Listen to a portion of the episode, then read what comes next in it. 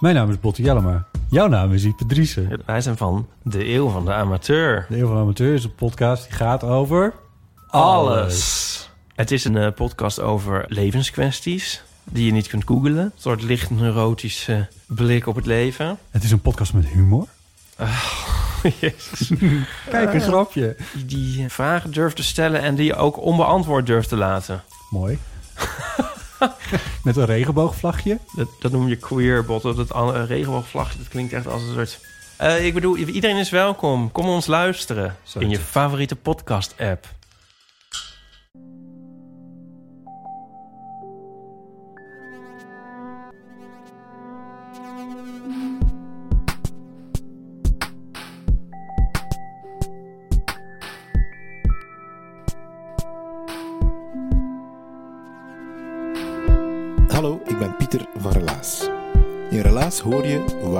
Verhalen, altijd.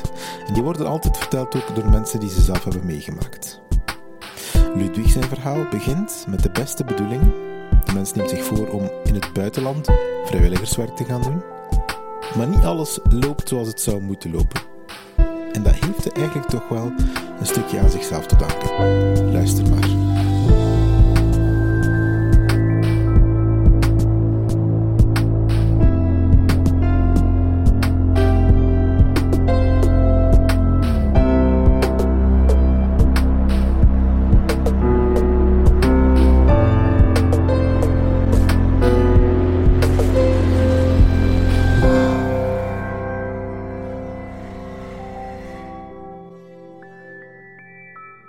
Ik ben leerkracht middelbaar onderwijs en ik heb er dit jaar voor gezorgd dat ik niet in een burn-out eh, val, zoals sommige van mijn collega's. Ik heb vier maanden onbetaald verlof genomen en ik ben naar Zuid-Amerika gegaan begin dit jaar. Nu, het doel was om te reizen, maar ook om eh, vrijwilligerswerk eh, te doen. Eh, ik had daar op voorhand zitten op opzoeken eh, bij organisaties. Dat was dan 3000 euro om te mogen vrijwilligerswerk doen. Dan een andere organisatie waarbij ik recensies had gelezen dat dat eigenlijk echt corrupt was. Dus ik dacht, weet ik leer gewoon een beetje Spaans. Ik ga gewoon naar daar en ik ga daar gaan zoeken. Zo gezegd, zo gedaan. Waar kom ik terecht? Rio de Janeiro, favela Rocinha. En wat spreken ze daar? Portugees. Ehm, nu, ik eh, was in Rio terechtgekomen met carnaval. Dus eh, ik was daar even blijven hangen. Eh, en ik had daar ook wel een beetje vrienden ontmoet al, via couchsurfing. En dus ik was eigenlijk van plan om net door te gaan toen ik op dat vrijwilligerswerk gestoten ben in die favela. En s'avonds, de zondagavond, had ik met die vrienden nog een keer afgesproken. En ik zei tegen hun, dat waren dus Braziliaan, van ja, ik heb hier werk gevonden, ik ga hier nog wat langer blijven hangen. ja, ik ga vrijwilligerswerk doen in favela Rocinha. En die bekijken me allemaal zo van, ja, wanneer is de begrafenis? Ik zeg, oei, eh, ik, zeg, eh, ik zeg, ik weet wel, hè, de, de naam van een favela en een Braziliaanse favela, dat is gevaarlijk. Ik zeg, maar in welke favela ben, zijn jullie al geweest? Ah ja, nee, eh, in geen enkele, daar ga ik het niet binnen. Dus ja, ik dacht van, oké, ehm, mijn korreltjes uitnemen toch. Allee, bon, het is maandagmorgen. Ik ga toch met een heel klein hartje de Uber-taxi in. Eh, ja, want ze zijn daar zot van Uber. Eh, die eh, man die brengt mij aan de favela, maar die wil mij maar voeren tot aan de brug, wat verder gaat hij niet. Dus daar moest ik uitstappen. Met heel mijn backpack, vol met spullen. Ik eh, na, eh, do- naar de favela. Ik had daar afgesproken met de enige leerkracht Engels. Die ging mij een rondleiding geven. Dus een goede, volle, zwarte vrouw met een prachtig kleed aan. Ga mij heel de favela laten zien. Ze zegt, ah, hier kun je lekker açaí eten als ontbijt. Eh, Dat is een soort van, ehm, eh, een soort van fruit dat enkel in het Amazonewoud eh, groeit. Zwat, hè. Ehm, en eh, ze zegt, kom, ik ga u verder rondleiden. We gaan een keer naar boven gaan. Want ja, een favela, ik weet niet of je dat al gezien hebt, maar dat is eigenlijk tegen een heuvel, tegen een berg op. Eh, en mijn ehm, plaats waar ik dus vrijwilligerswerk eh, ging doen, lag toch een stukje naar boven. Dus ik volg haar, kleine steegjes naar boven. Ik ga mij proberen terug voor de geest halen. We gaan naar links. Dan gaan we nog een keer naar links. Dan gaan we naar beneden. Dan gaan we naar rechts, naar rechts, naar beneden, naar boven. Iets steiler naar boven, naar rechts, naar rechts, naar links, naar beneden, naar links. Allee, nog eens een beetje verder, verder weet ik het niet meer. Eh, maar alles is een tour, ik zal u gaan hebben in die kleine straatjes. Google Maps, dat werkt daar niet. Dus ik dacht, hoe ga ik hier ooit mijn weg terugvinden? Allee, bon, ik ben aangekomen aan dat schooltje. Ze legt mij uit wat ik kan doen.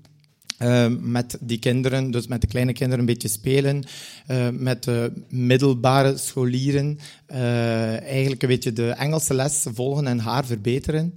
Um, ik heb er ook aardrijkskunde gegeven. Ik heb hen de map geleerd van Zuid-Amerika, want ze dachten allemaal, of bijna allemaal, dat ze in Afrika zaten. Dus ze wisten echt totaal van toeten of blaas. Goed.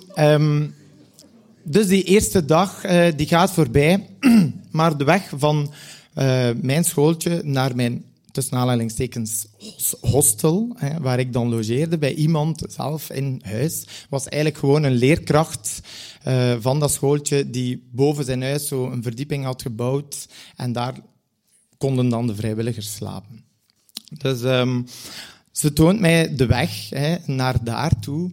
En uh, ik passeer daar ook voor het eerst uh, de echte de drugsdealers gezag had. Die liepen met wapens rond.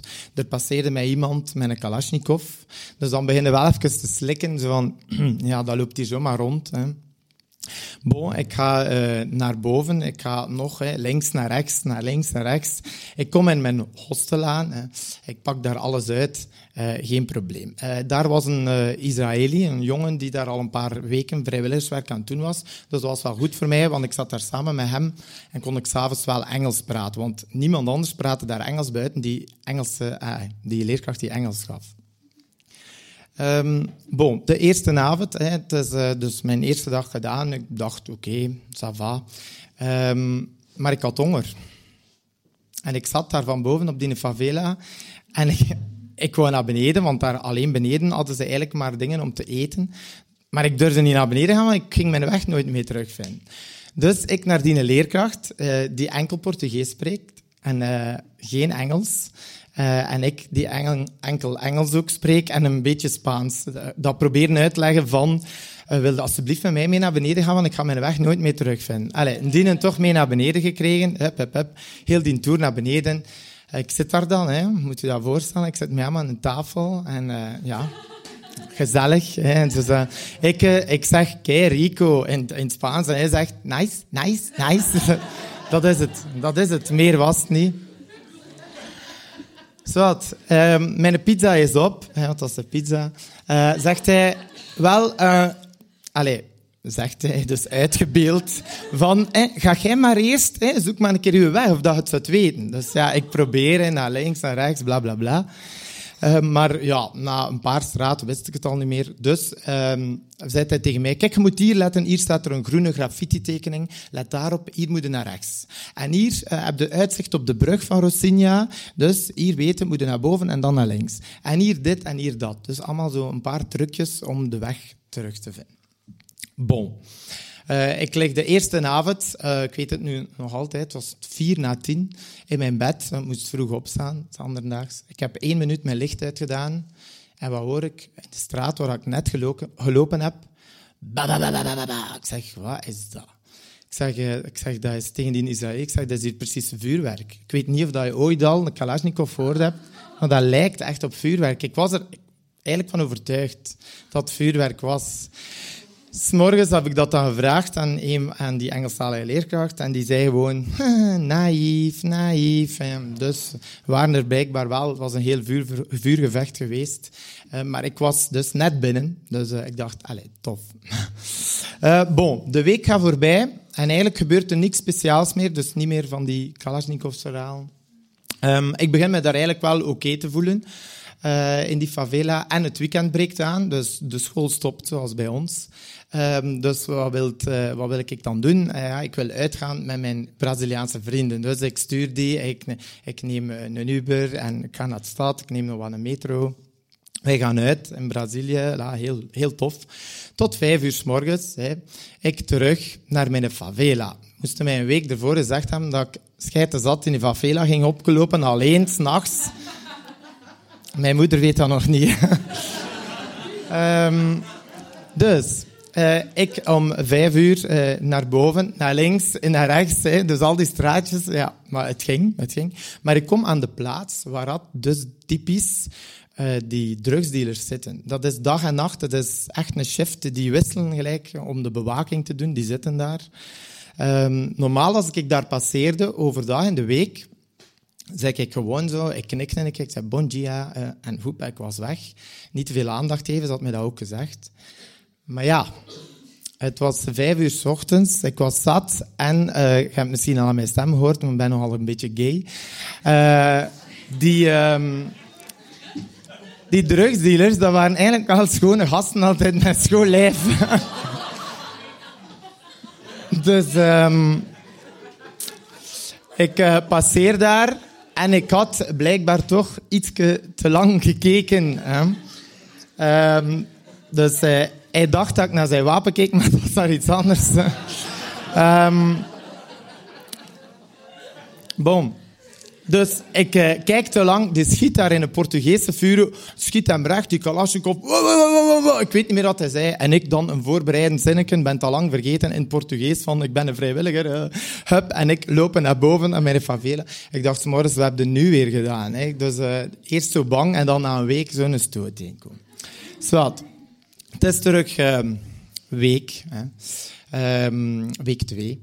En... ehm, ik eh, doe dus weer, ik help eh, de kinderen, ik speel met de kinderen. Ze hadden tegen mij gezegd van, eh, Ludwig, we gaan u nooit alleen laten. Hè. Zeker niet omdat je geen Portugees kent, met die kinderen. Ja, week twee, wie zat er alleen? Met, die, met negen zesjarigen, dus ik ben ook niet gewoon van het middelbaar onderwijs, negen zesjarigen, negen uur s morgens, ik heb daar drie uur en half alleen mee gezeten met die kinderen. Eh, die kinderen spreken enkel Portugees, die zeggen van alles tegen mij en ik versta er geen kloot van. Zwat, maar die kinderen voelden dat ook van, die hadden waarschijnlijk nog vrijwilligers gehad van, ah, dat is zo weer een dat je ons taal niet kan. Ehm, die waren een beetje met mij het zot aan het houden, eigenlijk. Dus eh, zeker ene jongen was daarbij, die was mij al heel de ochtend echt aan het ambeteren.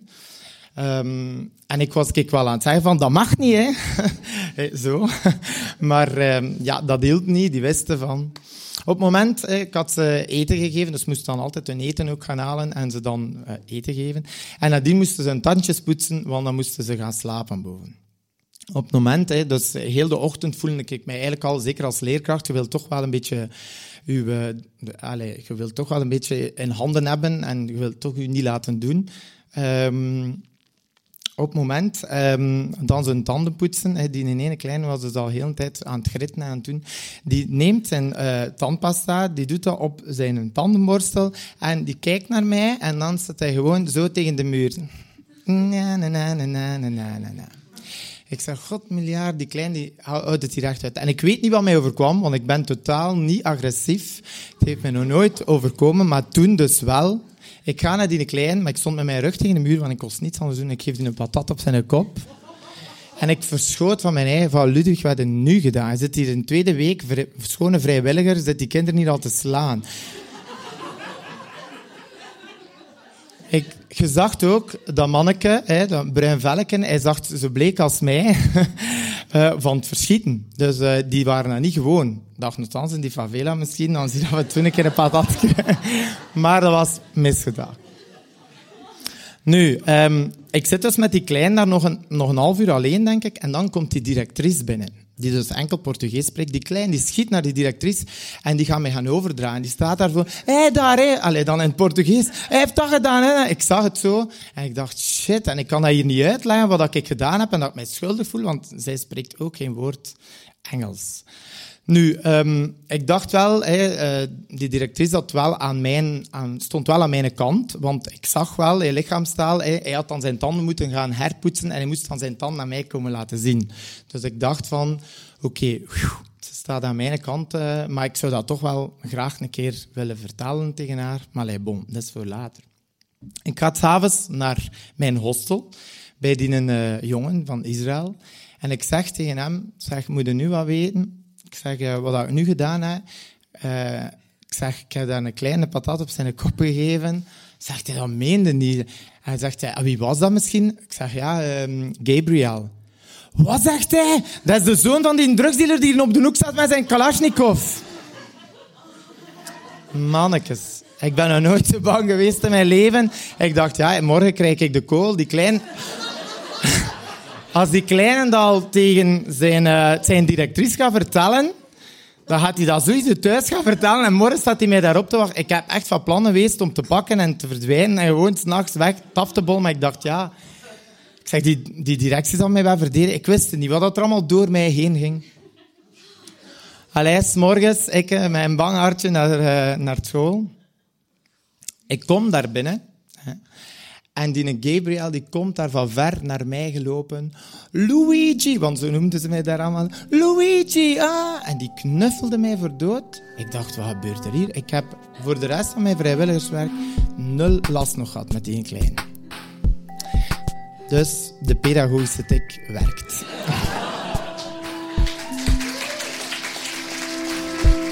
Dat was het verhaal van Ludwig. Hij vertelde het in Huset in Gent op een van onze maandelijkse vertelavonden. Ikzelf heb persoonlijk niet zo'n echte reisdrang, maar ik ben wel eens gaan zoeken online naar hoe zo'n favela eruit ziet. Ik had het ook al eens in een documentaire gezien, maar ik wou toch nog eens opnieuw zien waar hij over vertelde. En die favela Rosina, dat is de grootste van Rio de Janeiro en zelfs de grootste van Brazilië. Ik moet zeggen dat die foto's er heel bijzonder uitzien. Je hebt ook zo'n filmpje, een 4K-filmpje. Het is echt wel indrukwekkend om te zien. En de meeste toeristische websites, zoals TripAdvisor, die zeggen dat het veilig is in die favelas, op voorwaarde dat je in de vlakke stukken blijft en op voorwaarde dat je misschien wel eens een gids boekt die jou kan zeggen wat de veilige stukken van, het stad, van de stad zijn. Dus het verhaal van Ludwig klopt wel degelijk. Heb je zelf ook eens iets meegemaakt op reis en wil je daar graag over vertellen, dan mag je ons dat altijd laten weten. We hebben zo'n knopje op onze website staan waar je je verhaal kan achterlaten. Wij zorgen ervoor dan dat jouw verhaal goed gecoacht wordt vooraleer het op een relaaspodium belandt. Relaas krijgt steun van de afdeling cultuur van zowel de Vlaamse gemeenschap als van de stad Gent. We zijn daar heel blij voor. Je kan ons helpen door dit verhaal door te sturen naar iemand aan wie je moest denken toen je het hoorde. Je kan ons ook financieel een duwtje in de rug geven. Dat kan door vriend van Relaas te worden via onze Patreon-pagina. Die Patreon-pagina vind je uh, als een knopje op elk van onze website-pagina's. En dan kan je maandelijks 2 of 5 euro ons cadeau doen. En zo kunnen wij blijven doen wat we nu al doen. Ik krijg er ook een aantal fijne dingen voor terug. Dankjewel.